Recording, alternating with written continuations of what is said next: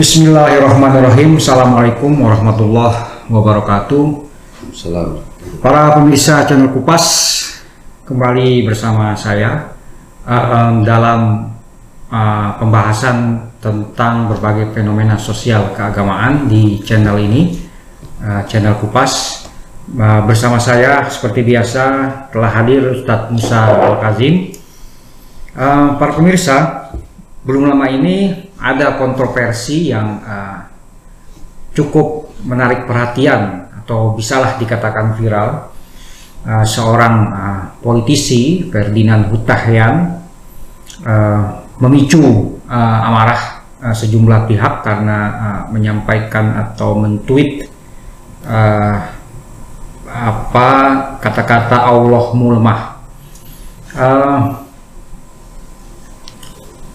ini kita akan bahas mungkin juga uh, dari uh, pertanyaan tentang apa sebenarnya Allah itu perlu dibela atau tidak. Karena kita tahu ada kata-kata uh, Gus Dur kalau tidak salah yang cukup terkenal sering dikutip orang meskipun konteksnya uh, kita tidak tahu secara lengkap apa uh, maksud atau konteks ucapan Gus Dur. Tapi Gus Dur pernah menyatakan bahwa atau bahkan pernah menulis ya uh, apa Tuhan tidak perlu dibela.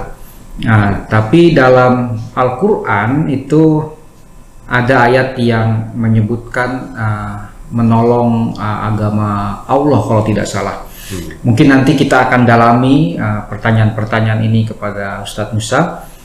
Saat uh, seperti tadi telah saya sampaikan, ada kontroversi yang dipicu oleh seorang uh, oleh cuitan seorang politisi. Nah, Allahmu lemah kata cuitan itu. Nah, mungkin antum sedikit mungkin membaca berita-berita mungkin bisa yeah. uh, memberikan pendapat tentang kontroversi tersebut.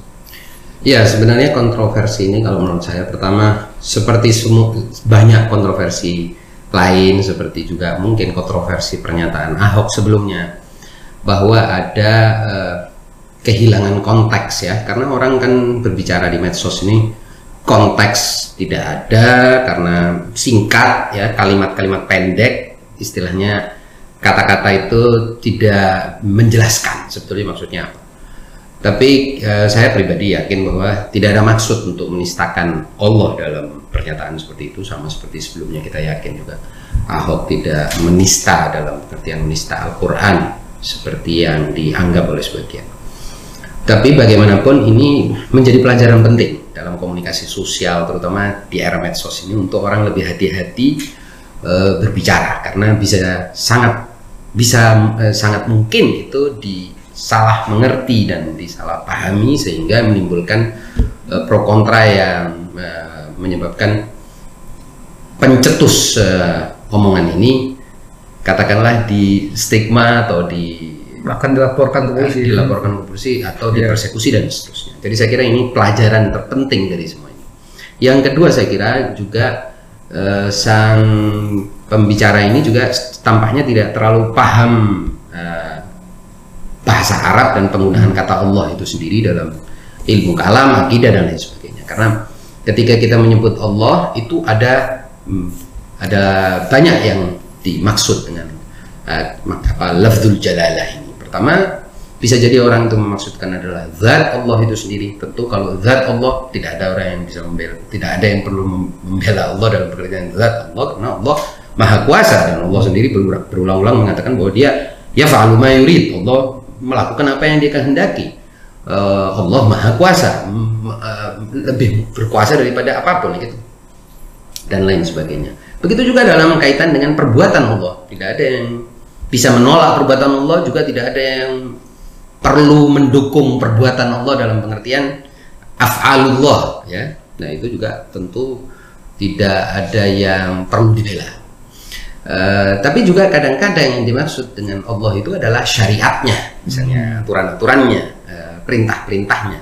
Jadi membela Allah dalam pengertian itu bisa menjadi relevan. Berarti apa maksudnya membela Allah kalau dalam konteks Allah sebagai syari' sang pemberi syariat atau penentu undang-undang dan aturan yaitu menegakkan uh, syariat itu di dalam diri kita dan juga uh, dalam akhlak kita ya kan juga bisa juga eh, yang dimaksud dengan Allah itu adalah kehadirannya di dalam diri kita, ingatannya di dalam diri kita. Itu semua perlu dibela, di- dirawat, dipelihara dan seterusnya.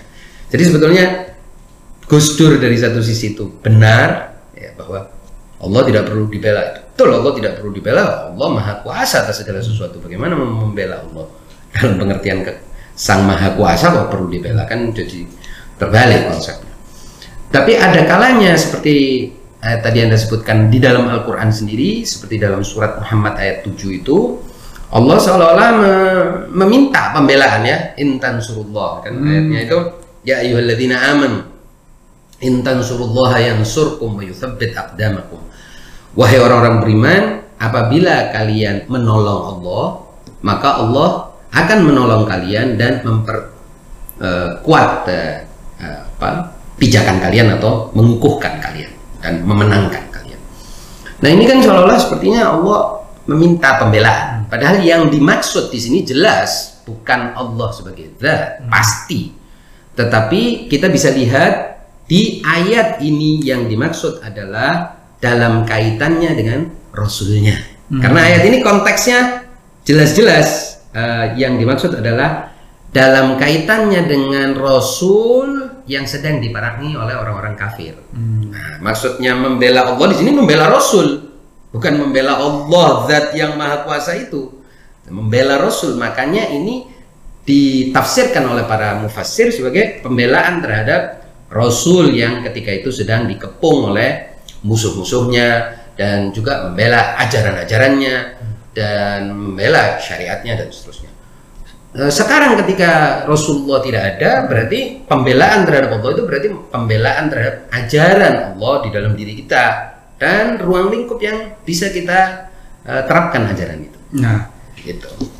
Eh, ini Zat, persoalan- Kira-kira konsep Ya. ini jelas ya. Jadi Ya. ada dimensi yang dimaksud Allah sebagai zat, dimensi Allah sebagai sifat, dimensi Allah sebagai pemberi syariat. Nah, dalam konteks pemberian syariat atau penetapan syariat ini kan Allah memberikan pilihan terhadap manusia, kebebasan. Kamu boleh ikut itu, boleh tidak.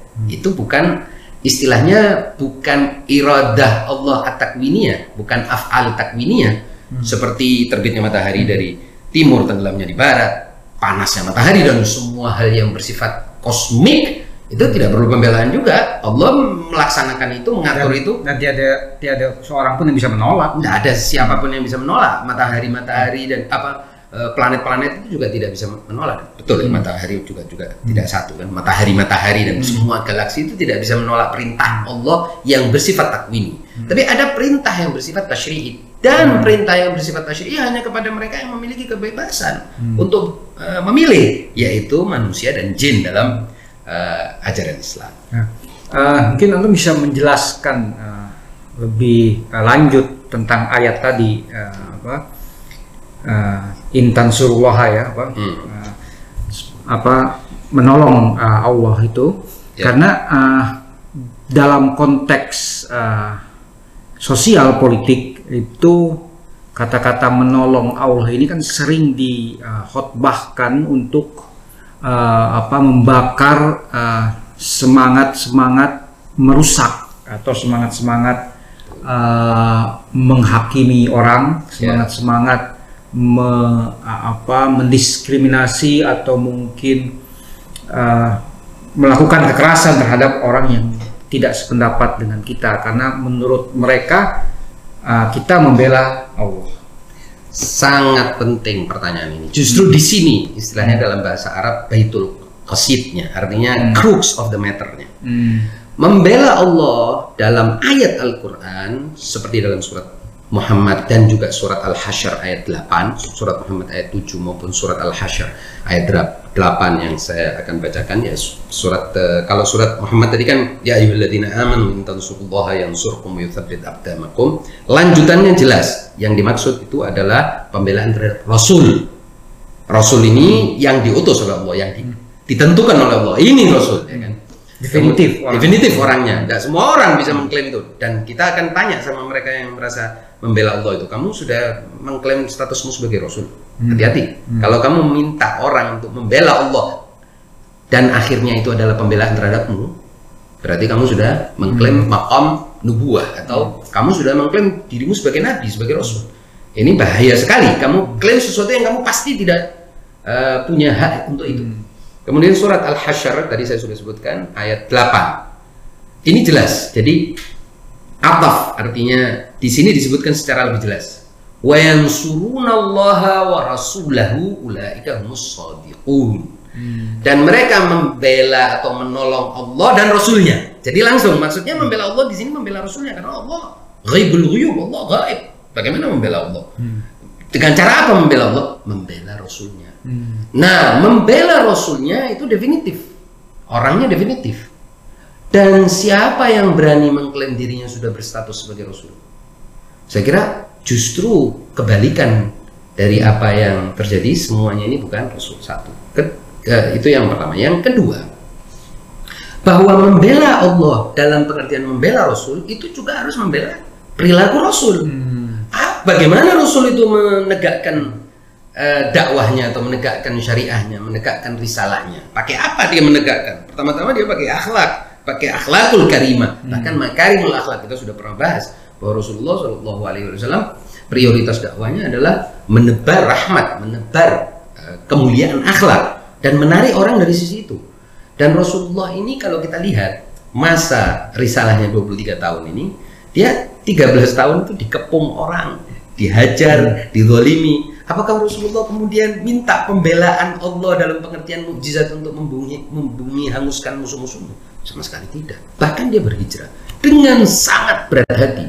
Bahkan dalam riwayat disebutkan ketika Rasulullah dalam perjalanan hijrah itu berkali-kali menangis setiap kali mengingat Makkah. Bagaimana orang saya ini Pak Irman sekarang bukan penduduk asli Jakarta. Uh, ketika saya mau pindah ke daerah lain itu berat hati. Padahal saya bukan penduduk asli Jakarta dan bukan kelahiran Jakarta. Padahal di sini Rasulullah itu kelahiran Makkah dan bukan hanya lahir se se apa, seorang diri, keluarganya di Mekah dan dia meninggalkan banyak hal. Makanya berat sekali. Itu pun dijalani oleh Nabi dalam rangka apa? Untuk hmm. tidak membumi hanguskan umat dengan cara hmm. me menghancurkan segala sesuatu. Sampai kemudian ketika Nabi hijrah dan tetap diperangi dalam pengertian di santroni barulah Nabi melawan agresi itu. Nah, apakah orang-orang ini sudah seperti itu? Saya kira mereka Jelas tidak seperti itu yang melakukan kekerasan. Bahkan tanpa ada peringatan, tanpa ada uh, apa ajakan yang mulia, ajakan yang baik. Ini orang-orang yang mengaku ingin dibela atas nama Allah ini justru sering kali melakukan kerusakan dan perusakan tanpa sebab musabab yang jelas. Bahkan tidak sedikit pun ada alasan gitu ya. Baik alasan hukum maupun alasan moral, apalagi alasan agama agama itu kan di dalamnya tercakup hukum dan moral. Ini sama sekali tidak ada alasan. Oleh sebab itu saya kira mereka bukan lagi membela Allah, justru di situ membela hawa nafsu. Terlihat sekali. Jadi kebalikan dari membela Allah dan Rasulnya, justru itu membela ambisi politik, membela uh, angkara murka, membela kebencian, membela permusuhan dan seterusnya. Naudzubillah mendalik ini kebalikan dari membela Allah justru. Sebaliknya kalau kita tidak membela mereka berarti kita membela Allah. Malah kebalikan hasil akhir dari eh, ajakan-ajakan yang sekarang sedang luas beredar seperti yang anda bilang tadi. Ajakan membela Allah yang berujung dengan kekerasan. dan persekusi hmm. mungkin juga perbuatan-perbuatan ilegal dan hmm. immoral dan lain nah, di tengah ketiadaan Rasulullah saat atau wafat, setelah wafatnya Rasulullah sebenarnya bagaimana sih kita uh, apa uh, istilahnya menjalankan perintah membela Allah itu seperti apa mungkin? Ya, yang paling muttafaq artinya yang paling disepakati oleh para ulama hampir semua madhab itu adalah membela penghambaan kita hmm. kepada Allah Subhanahu wa taala. Artinya kita membela Allah itu dalam arti Allah selalu kita hadirkan dalam hmm. semua niat, pikiran, sikap, perilaku, aksi reaksi kita dan lain sebagainya. Ketika kita sudah menghadirkan Allah dalam semua itu, berarti kita sudah membela Allah. Hmm. Plus juga menjalankan perintahnya dan menjauhi larangannya. Itu artinya membela Allah itu sebetulnya itu hmm. dalam konteks individu. Kemudian individu ini bisa mempengaruhi uh, sekitarnya dan dengan cara yang sama, tidak boleh melanggar apa pun. Bahkan mulai dulu dengan dirimu. Hmm Hmm. Artinya terapkan semua perintah Allah, jauhi semua larangannya, hadirkan Allah dalam semua niatmu, pikiranmu, sikapmu, perilakumu, aksimu, baru engkau telah membela Allah. Dan otomatis Allah akan membela dia. Tidak usah cari pembelaan lagi, Allah yang akan membela dia.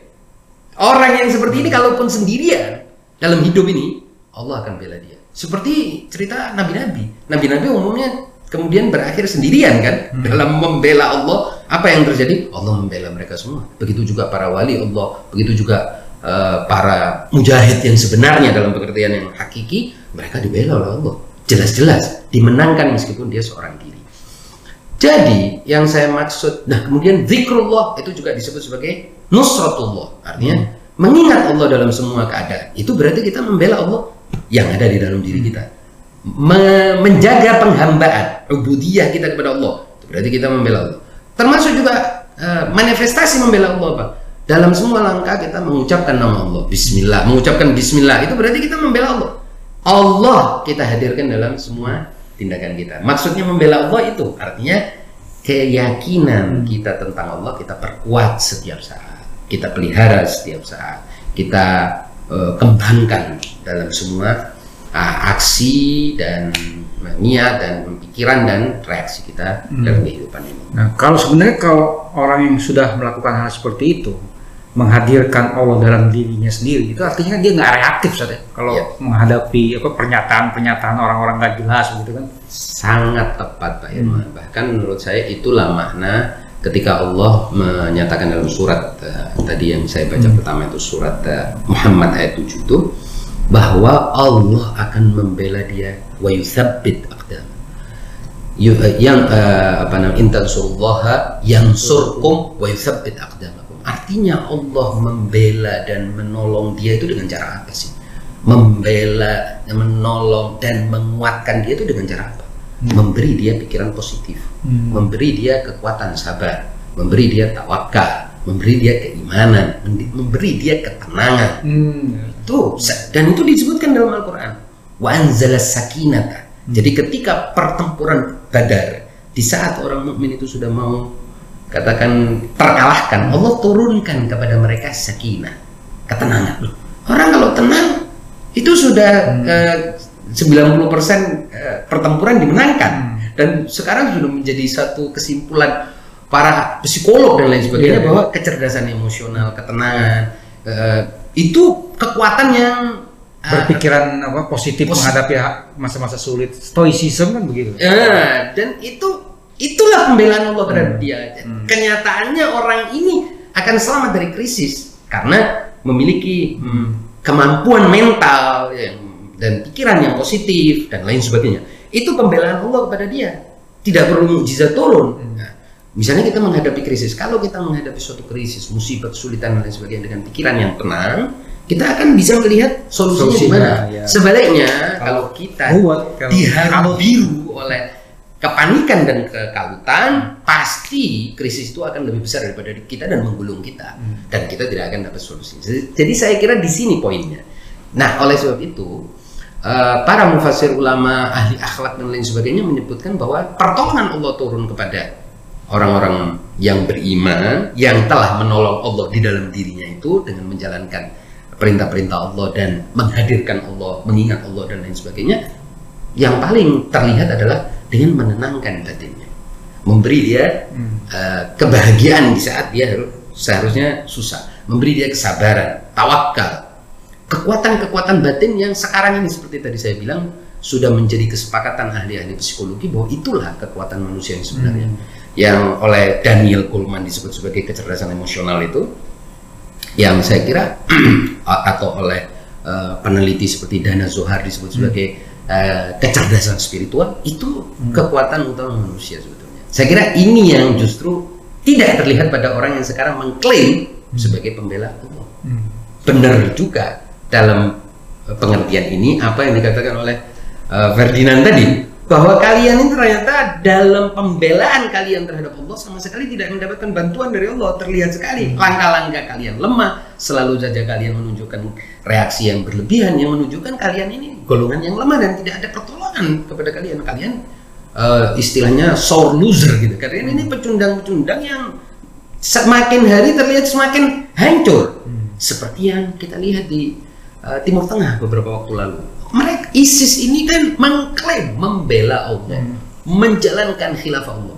Tapi kita lihat semua aksinya, mulai bahkan dari kita mulai dari sikapnya, cara berpikirnya, sikapnya, aksinya, strateginya, semuanya menunjukkan mereka ini kaum pecundang yang tidak akan mungkin Membabi buta. membabi buta dan tidak mungkin dengan resource seperti apa pun dengan sumber daya seperti apa pun mereka bisa menang. Tidak mungkin karena bertentangan dengan kemanusiaan.